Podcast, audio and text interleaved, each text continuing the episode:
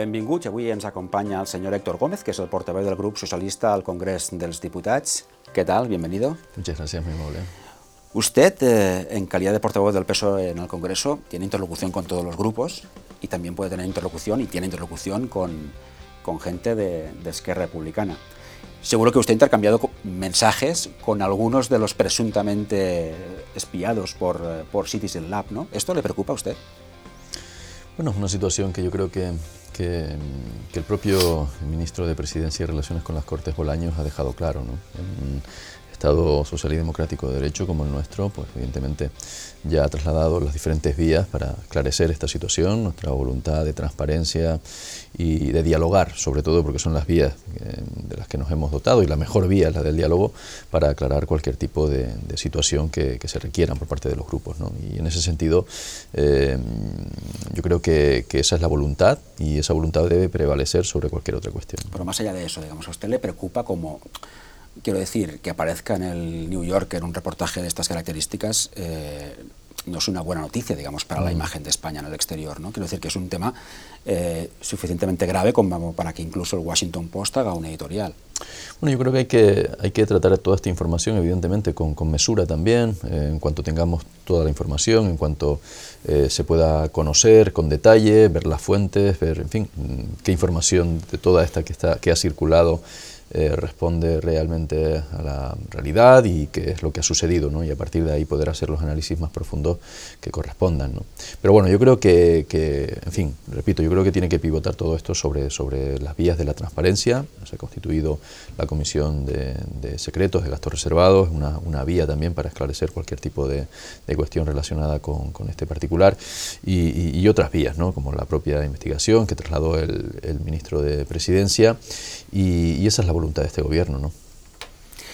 Usted sabe que Esquerra Republicana ha pedido públicamente la cabeza de, de, la ministra de Defensa, de la señora Margarita Robles, por las declaraciones que hizo el otro día. Mm. Usted estaba en el Congreso. ¿Usted cree que esas declaraciones eh, ayudan, digamos, a, a, a, recoser, digamos, estas relaciones que ya en ese momento estaban un poco eh, cogidas con alfileres? Bueno, yo creo que eh, Margarita Robles, sin lugar a dudas, cuenta con todo el respaldo del Grupo Parlamentario Socialista y también del Gobierno. Eso que no quepa eh, ninguna duda, eh, su gestión le avala eh, en momentos tan complicados como el actual. Debemos contextualizar absolutamente todo en el escenario en que nos encontramos, un conflicto bélico en Ucrania con unas consecuencias directas para el conjunto de la Unión Europea, la comunidad internacional, para España directamente.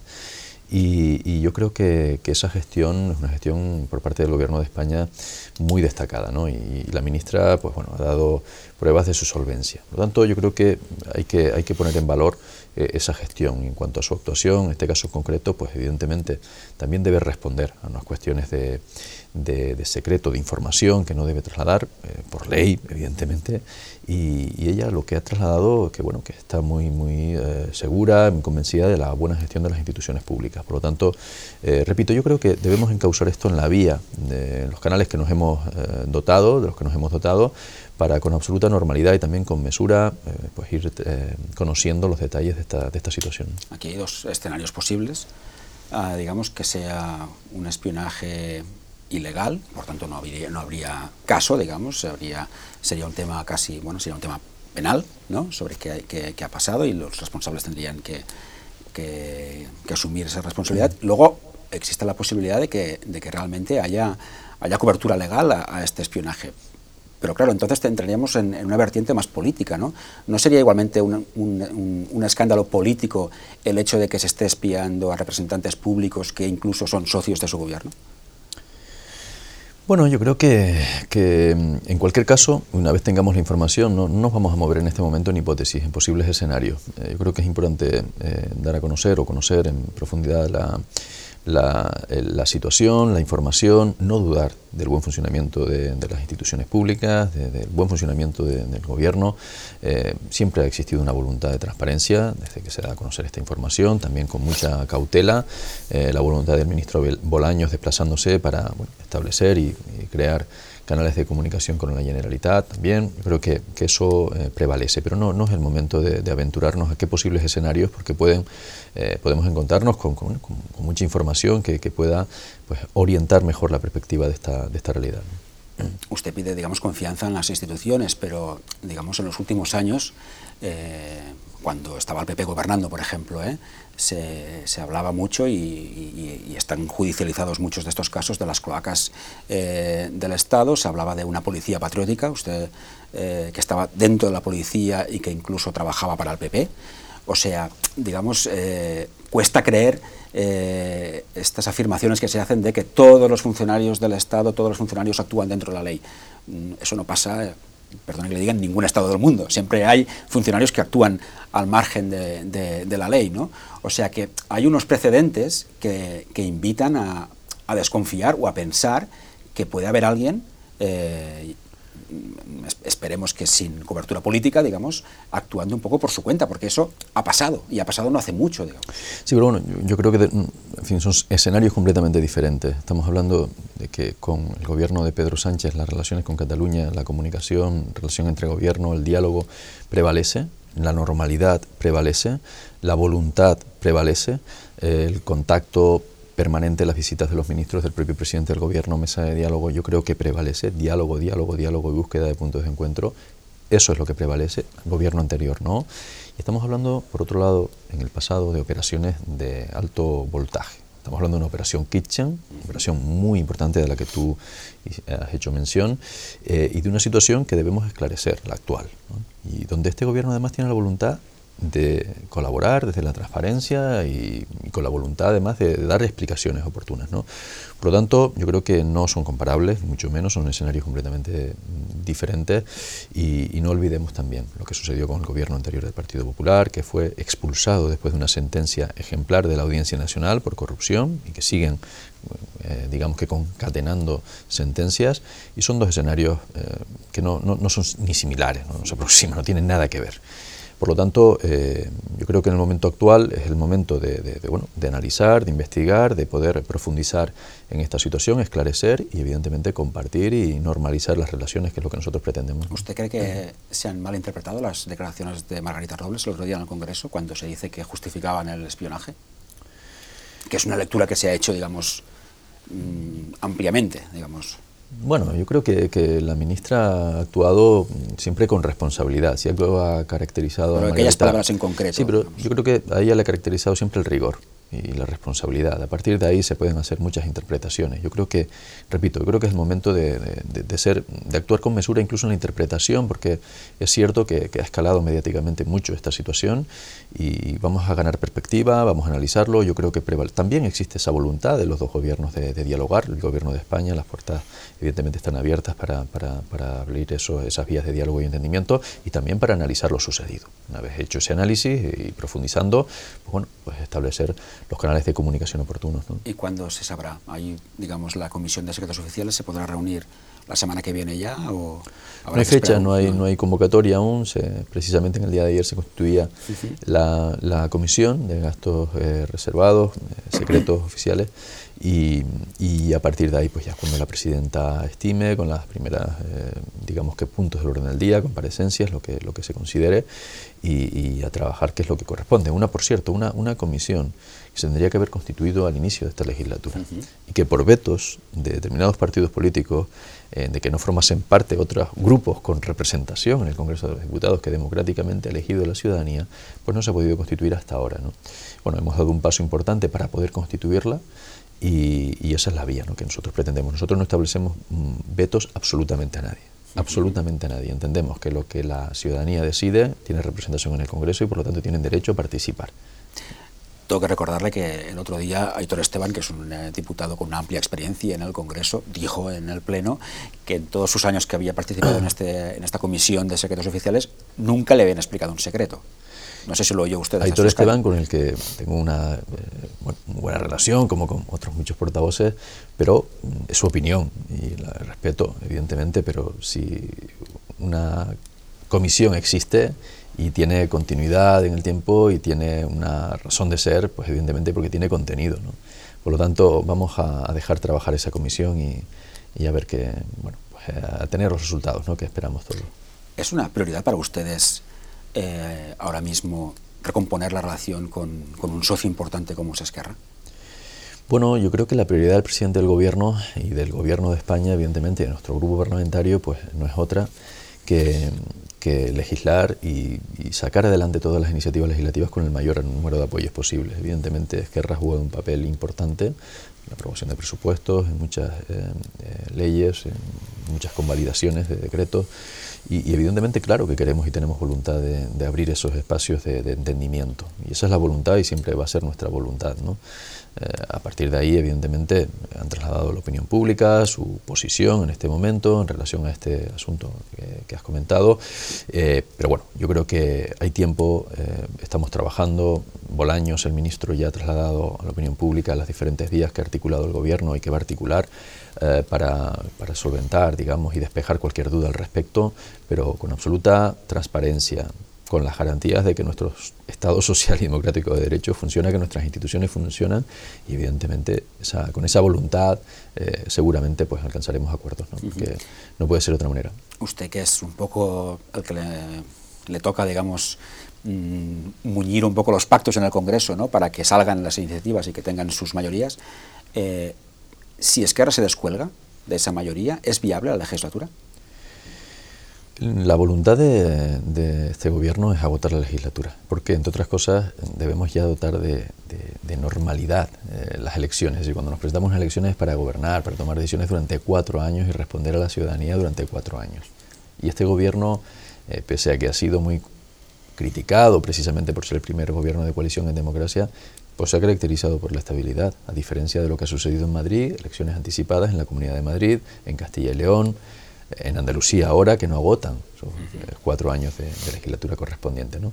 Por lo tanto, ese es el objetivo. En relación a grupos parlamentarios, en relación a Esquerra Republicana, eh, evidentemente nuestra intención es, cumplir el plan normativo anual, cumplir con todos los objetivos y las leyes que debemos tramitar. No olvidemos que tenemos un proyecto europeo de financiación muy importante con unos objetivos que cumplir. Y claro que, que nuestra voluntad, repito, es establecer esos marcos de entendimiento no advertimos escenarios donde se descuelguen eh, grupos parlamentarios. No hablamos de hipótesis. Si es así, si cualquier grupo decide no participar, eh, bueno, pues eh, buscaremos evidentemente nuestra obligación siempre, siempre, siempre es dialogar y buscar apoyos. ¿no?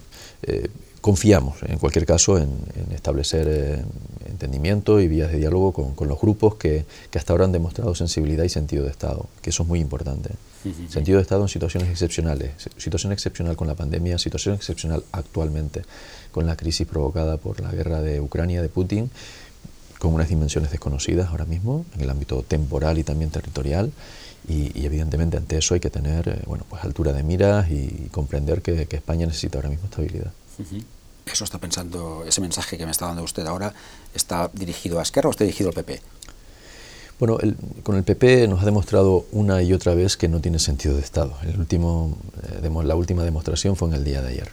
En una situación eh, excepcional donde la ciudadanía necesitaba pues, medidas importantes con un decreto que se aprobó hace un mes y que necesitábamos convalidar como bueno, pues el descuento de los 20 céntimos en el combustible, eh, también eh, la bajada del 21 al 10% del IVA de la electricidad, eh, 10.000 millones de euros de créditos ICO para todo el tejido productivo, inyección, inyección directa de recursos a los agricultores, a los ganaderos, al tejido empresarial, en definitiva, algo fundamental para de alguna manera frenar las consecuencias de la crisis económica que está provocando el conflicto bélico. Y en algunos territorios con, eh, digamos que empresas que dependen, por ejemplo, de las materias primas de Ucrania, el caso de la arcilla y otros muchos eh, materias primas que condicionan el normal funcionamiento de nuestra economía y de nuestra actividad económica. Ante eso, pues tacticismo, eh, interés político. Por lo tanto, claro que no está a la altura el Partido Popular de lo que hoy, de lo que hoy nosotros demandamos el principal partido de la oposición. Están más preocupados por una cuestión de encuestas que por una cuestión de priorizar y poner por delante a la ciudadanía. Ellos dicen que ustedes ya habían elegido socio y que el socio era Bildu. Bueno, forma parte de la dinámica de mentira permanente y constante que intentan instalar en la opinión pública, pero no es así, porque el Partido Socialista se abrió, el gobierno, vicepresidentas del gobierno, el propio eh, ministro de Presidencia, a dialogar con todos los grupos parlamentarios para recoger propuestas, para incorporarlas antes de su aprobación en Consejo de Ministros. A partir de ahí, faltando tres días eh, o cuatro días nos facilitaban un contacto para poder dialogar ese decreto. No, no, no, no es serio. no es serio. Una situación tan compleja como la que vive hoy Europa, con un desafío bélico y un desafío directo a la democracia y a las democracias occidentales, no nos merecemos una oposición que esté jugando al regate corto y a ver cómo puede establecer en la opinión pública un relato. No va por ahí la cosa. que va a esa altura de miras y decir, bueno, necesita España apoyo en este momento, se lo vamos a dar. Porque no le están traicionando al gobierno, no están haciéndole oposición al gobierno, están traicionando incluso a sus votantes, que es lo peor. ¿no? ¿no hay diferencia entre el PP de Feijóo y el PP de Casado?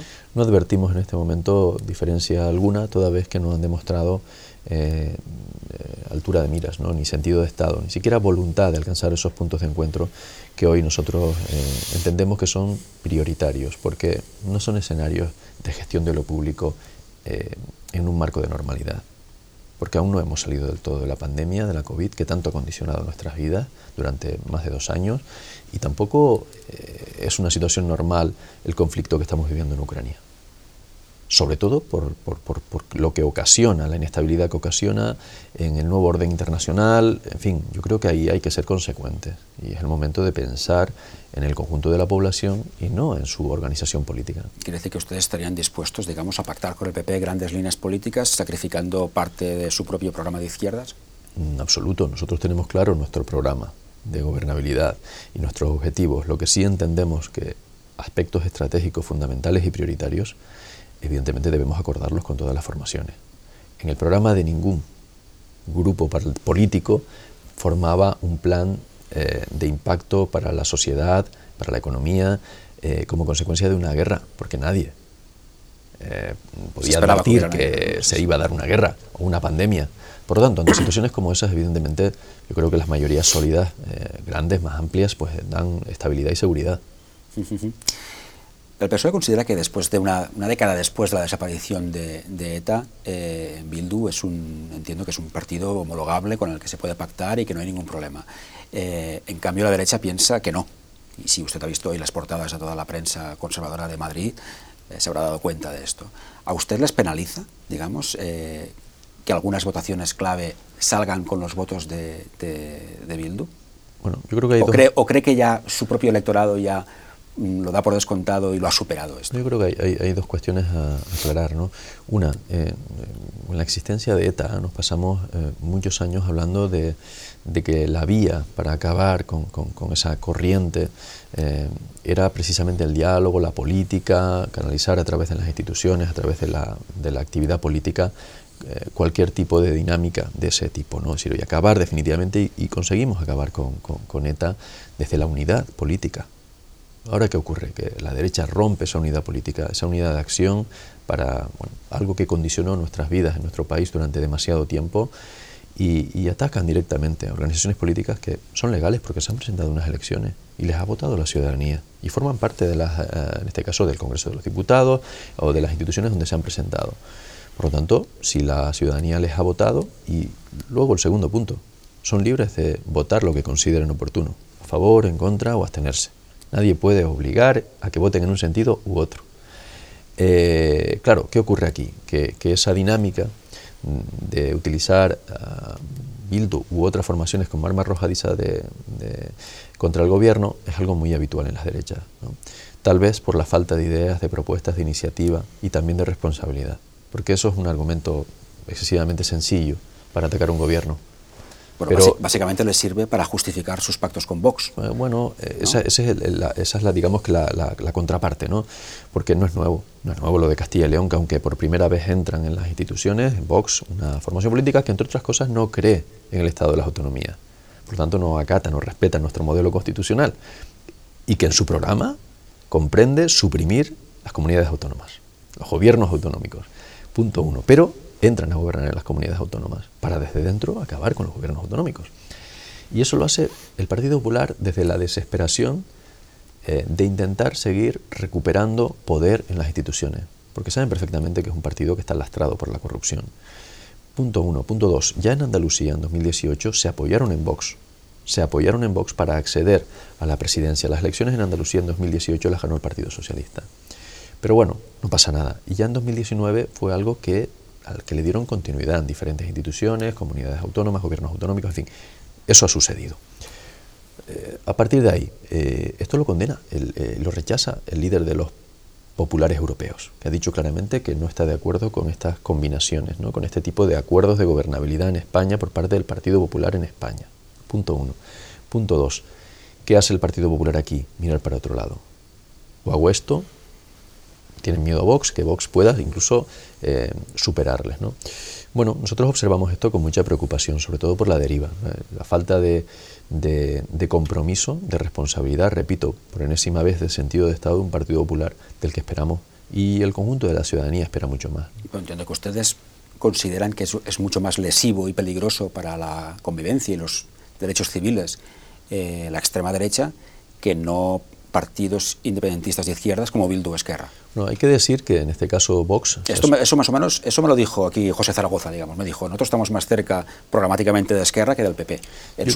todavía no estaba Vox. Yo, lo que digo es que Vox ha subido a la tribuna del Congreso de los Diputados y ha dicho que prefiere, en este caso, que consideraba mejor un gobierno de la dictadura y mucho peor el gobierno actual, un gobierno democrático, que un gobierno de la dictadura. Eh, esto es una agresión real a la democracia. En fin, no, no podemos...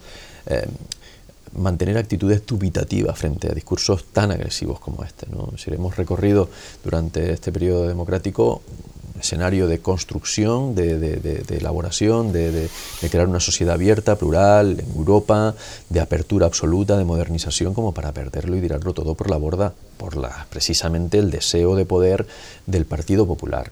Ante eso, creo que debe prevalecer la socialdemocracia, el entendimiento entre aquellos partidos que consideramos que la sociedad es otra cosa. La sociedad es una sociedad abierta sobre la que tenemos que trabajar, sobre la que tenemos que dar eh, la libertad para decidir, a, digamos que a opinar al conjunto de la ciudadanía. No pueden ser estas medidas del PIN parental en el ámbito educativo, de las medidas restrictivas, del rechazo a, los migrantes, aquellos que nos necesitan en el ámbito de la solidaridad y de la cooperación internacional. Eh, nosotros tenemos muchos eh, eh, vínculos con muchos países y nos obligan, desde luego, a comprometernos también con esa realidad. Y hablo desde América Latina, el continente africano, que lo tenemos muy cerca, Europa, es una realidad incuestionable. Y desde esa perspectiva lo que no podemos hacer es discursos populistas de rechazo y también que generan incertidumbre en el conjunto de la ciudadanía. Hemos vivido crisis migratorias en Canarias, en Andalucía. Frente a eso, ¿cómo debe actuar España? Con altura de miras, de la mano de la Unión Europea, no desde la posición bélica de confrontación con otros países y de no dar entrada a aquellos que, eh, independientemente del proceso que sigan de repatriación, de derivaciones o lo que pueda suceder, España es un país solidario y ahí debemos nosotros eh, hacer valer esa posición y esa imagen que tenemos también como país. ¿no? y cuidar las relaciones con los países colindantes. Yo creo que es muy importante. Ese discurso, como lo hizo Salvini precisamente en Italia, recuerden, hace mucho, eh, que esta formaba parte del gobierno italiano hace unos años, y ya vemos cómo terminó la cosa. ¿no? Por lo tanto, cuidado porque estas fórmulas van a fracasar y evidentemente nosotros, hablo ya, van a fracasar porque ya existen, existen en Castilla y León. Eh, nosotros vamos a hacer eh, un esfuerzo titánico por, por, evitar situaciones como esa se repitan. Yo lo que entiendo es que usted considera Vox mm, una amenaza para la democracia muy superior a la que representan o la que pueden representar para, para, para, el PP o para algunos sectores de la sociedad española partidos independentistas, que, no, que son independentistas pero que no ponen en cuestión eh, ni la violencia de género, ni, ni son xenófobos, ni, ni, recortan derechos civiles. Es, es así, ¿no? pero el programa de Vox, pero también el Partido Popular que da cobertura a implementar esos programas en los gobiernos, ahí está la cosa, ¿no? Porque no es solo una formación política, es quien pacta con esa formación política y quien da cobertura para que entren en las instituciones con esos planteamientos, con esos programas, con esas líneas de acción. Hoy ¿Quién pone en duda que desde lo público debemos impulsar políticas para luchar contra la violencia de género? Cuando lamentablemente cada día vivimos situaciones deplorables, lamentables, que tenemos que condenar constantemente. Desde luego, eh, nadie. Aquellos solamente que intentan utilizar incluso la violencia de género como instrumento político. No podemos ser tan demagogos en ese aspecto y yo creo que eh, en ese sentido deben darse acuerdos entre todos los grupos políticos. Pacto contra la violencia de género. Hay formaciones políticas que no lo firman. Ahí está la irresponsabilidad. y ahí está el peligro. Pero usted es consciente de que su mantra siempre es el mismo. Es eh, cuando le preguntas por los pactos con Vox, dice, sí, pero el PSOE pacta con Bildu, pacta con Esquerra. Y, entonces entra en una especie de, como de equiparación, ¿no? Si ellos pactan, pues nosotros también. No hacen esa distinción, ¿no? Eh, no, ya el, nuevo líder del Partido Popular, Núñez Feijó, ya ha hablado de este asunto, ¿no? Dice, bueno, en fin, además eh, con rechazo absoluto de determinados eh, partidos políticos, grupos parlamentarios, ¿no? bueno, repito, eso es una respuesta clara a la falta de proyecto político para este país y a la incertidumbre que le genera al Partido Popular diferentes escenarios. Uno de ellos es que le pueda superar Vox en corriente, en, impulso político, y otro que no tienen un proyecto. En dos semanas acabaron con el anterior líder. Tomaron la decisión de finalizar una etapa de manera además precipitada y en muy poco tiempo y establecer un nuevo liderazgo en el Partido Popular en medio de una legislatura. Así que ya sabemos perfectamente por qué. Por autodenunciarse en las prácticas en un gobierno autonómico. Eh, por lo tanto, ya sabemos en qué línea se mueven. Yo creo que el Partido Popular eh, es algo que, tiene que realmente analizar en profundidad. Nosotros confiábamos que en este periodo en oposición pudiese regenerarse, eh, limpiar todas esas dinámicas bueno, que les llevó a estar donde están hoy, pero vemos que no lo consiguen. tenemos escándalos en el Ayuntamiento de Madrid, en fin, con, comisionistas lucrándose en el peor momento de la pandemia, también en la Comunidad de Madrid, y no lo dice el Partido Socialista, son ellos los que se han denunciado, los que han trasladado a la opinión pública esas prácticas. Aquí eh, poco más que decir, ¿no? Eh, por lo tanto, ¿y qué le costó? Precisamente el puesto al anterior presidente del Partido Popular, Pablo Casado. Por lo tanto, eh, en fin, no lo han conseguido, siguen en esa dinámica y, evidentemente sí, la respuesta es sí a esa práctica de justificar lo que hace el gobierno. Yo no he advertido en ningún momento, en este cambio de Núñez Feijó, un cambio de actitud o de posición constructiva. Una última pregunta sobre Andalucía, las elecciones que serán en junio, serán unas elecciones, eh, entiendo, bastante claves para, para el PSOE. Eh, ¿Qué perspectivas tienen ustedes en esas elecciones? ¿Creen que es posible, digamos, todas las encuestas dan una mayoría conservadora y, el observador externo se pregunta cómo es posible que Andalucía, que siempre había sido un granero de voto socialista, ahora sea un bastión, digamos, de la derecha? ¿Qué ha pasado? Bueno, creo que hemos llevado a cabo un proceso de renovación de liderazgo en, Andalucía. Tenemos un escenario eh, político, una vez más, sin cumplir el mandato de la ciudadanía, han precipitado, han adelantado elecciones, allí donde gobierna el Partido Popular, inestabilidad institucional. Y bueno, yo creo que mm, vamos a, vamos a dar una batalla importante, precisamente para evitar esos gobiernos de coalición, PP-Vox. El Partido Popular ha finiquitado sus acuerdos con Ciudadanos, los dan por amortizados, y ahora bueno, su socio eh, prioritario es Vox. Por lo tanto, esa es la línea de continuidad que tienen en toda esta eh, travesía que hoy tienen en la oposición en nuestro país y vamos a salir con, con todas a, dar la batalla con Juan Espadas y, a ganar las elecciones. Hay que ser muy, muy, muy claros en este mensaje. ¿no? ¿Por qué? Porque, porque Andalucía necesita eh, un proyecto político sólido y de verdad. Ahora mismo lo que ha sucedido en Andalucía, que poco ha trascendido, es acabar con la estabilidad en el ámbito sanitario. Por ejemplo, más de 8.000 sanitarios que han perdido su plaza, su condición de... Yo creo que no podemos estar ante situaciones como esta, y sobre todo con una pandemia, poniendo en riesgo la fortaleza de lo público y de los servicios públicos. Y eso ha sucedido en Andalucía, por lo tanto, más seriedad, más rigor y evidentemente más responsabilidad en la acción de la gestión. Por lo tanto, ahí con toda la, acción de nuestro partido, que es un partido con una implementación, una implantación eh, muy grande en el conjunto del país, vamos a salir a ganar, claro está. Muy bien. Pues señor Gómez, muchas gracias por atender a, Lara.